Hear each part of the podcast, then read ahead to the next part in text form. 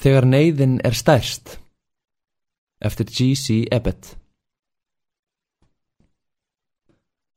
Dag eftir dag, vikum saman, hafði Leo Merton gengið milli atvinnurekenda í heimaborg sinni og falað vinnu.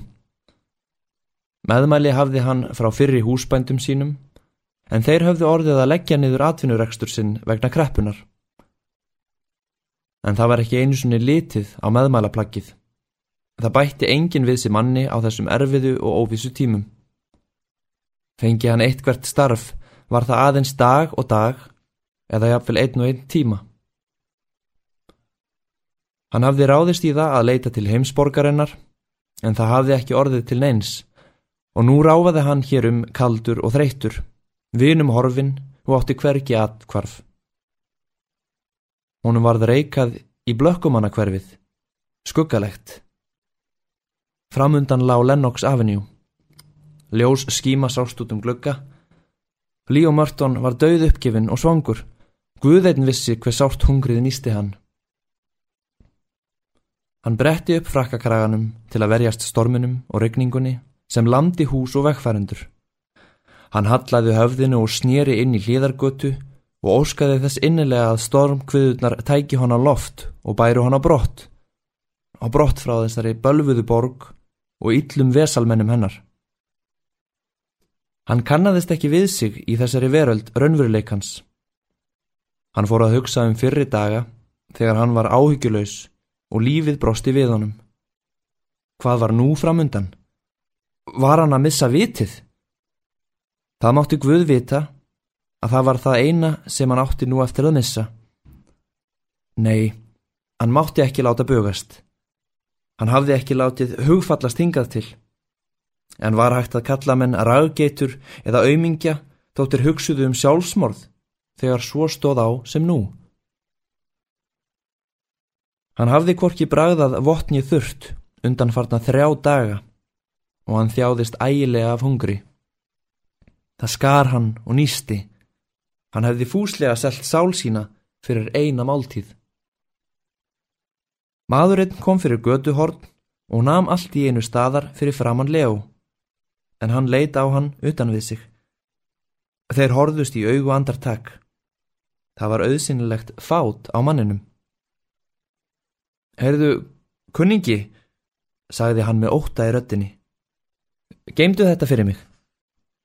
Og áður en Leo vissi af hafði hinn ókunni skotið einhverjum þungum hlut niður í vasa hans. Ósegurart hörfaði hann. Enn starði maðurinn í augu hans andartak, dularfullu og máttugu augnaráði og hjælt síðan leiðar sinnar hröðum skrefum. Þeir hefðu mæst skamt frá ljóskeri. Nú nálgæðist annar maður í myrkrinu, það var laurugluþjóttn og leitt hann rannsakandi augum á Leo um leið og þeir mættust, en helt síðan áfram á eftir ókunna manninum. Leo nam staðar sem stein í lostin og horfi á eftir þeim. Hann sá laurugluþjónin ná manninum. Leo gæti ekki hirt hvað þeim fór á milli, en hann sá laurugluþjónin taka í handlegg mannsins og heldu þeir síðan áfram eftir göttunni og hörfu út í myrkrið. Nú fyrst hafði Leo rænu á því að stinga hendinni niður í vasasinn. Hann rak fingurna í kallt skambissu stálið. Hann tók bissuna upp og horfi á hana undrandi. Nokkrar mínútur stóð hann reyfingarlaus, en svo áttaði hann sig og stakk bissunni á sig aftur í skyndi. Svo leita hann í kringum sig til að fullvisa sig um að enginn sægi til hans. Gatan var mannlaus sem fyrr. Skambissa. Hönd hans greip um skeftið. Síðan leit hann einu sinni í kringum sig og gekk þvínast kvallega yfir göttuna í þver öfuga átt við þá sem laurugluþjóttnin og fangi hans hafðu farið. Hann gekk í um stundar fjörðung og ótal hugsanir fóru um huga hans. Hann fór að skjálfa af kulda og leitaði skjóls í andri hússeins.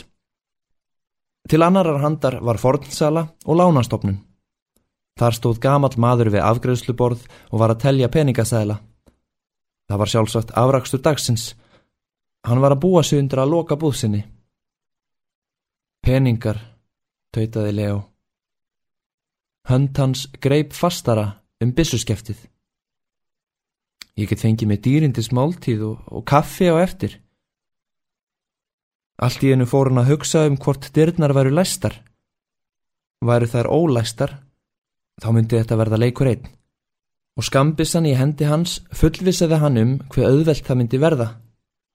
Hann rétti út vinstru hendina, en kifti henni til sín aftur. Nei, hann vildi ekki fremja rán. Hann ætlaði ekki að ógna gamla manninum til að láta peningana sína af hendi. Hann ætlaði ekki að verða þjófur eða ræningi. Það eina sem hann óskaði eftir var matur. Matur, matur. Hvað átti hann að taka til bræðs? Gamli maðurinn leið til dýra en hjælt svo áfram að telja peningana í skúfunni. Leo greip með krampakendu taki um skefti bissunar. Með vinstri hendi tók hann í hörðarhúnin og opnaði. Gamli maðurinn leit upp og horfi á hann er hann kom inn. Augu þeirra mættust og þeir stóðu um stund augliti til auglitis. Leo rétti fram skambusuna ógnandi en sagði ekkert. Hann gati ekki komið upp þessum orðum, upp með hendurnar. Gamli maðurinn horfiði á hann yfir afgriðsluborðið með rannsakandi og torteknuslegu augnaráði. Hann horfiði á hins slittnu klæði hans og skambissuna, en leið þvínast af honum. Ég geti miður ekki borgað meira en tvo dollara fyrir skambissuna, sagði hann. Leo starði á hann, orðlaus af undrun. Hann varð alveg forviða. Tvo dollara? Guðminn góður, tvo dollara? Hann lagði skambissuna varlega frá sér á borðið. Gamli maðurinn aðtugaði hana gömgefilega og tók skotin úr henni. Hann horfi aftur í augu Leós. Þér eruð líklega ekki frá New York, mælti hann, með skarpskigni manns sem vituður á því sem hann er að tala um. Þér eruð kannski atfinnulegs og eigið erfitt uppdráttar. Ég ætla því að vera örlátur við yður og láta yður fá 5 dollara.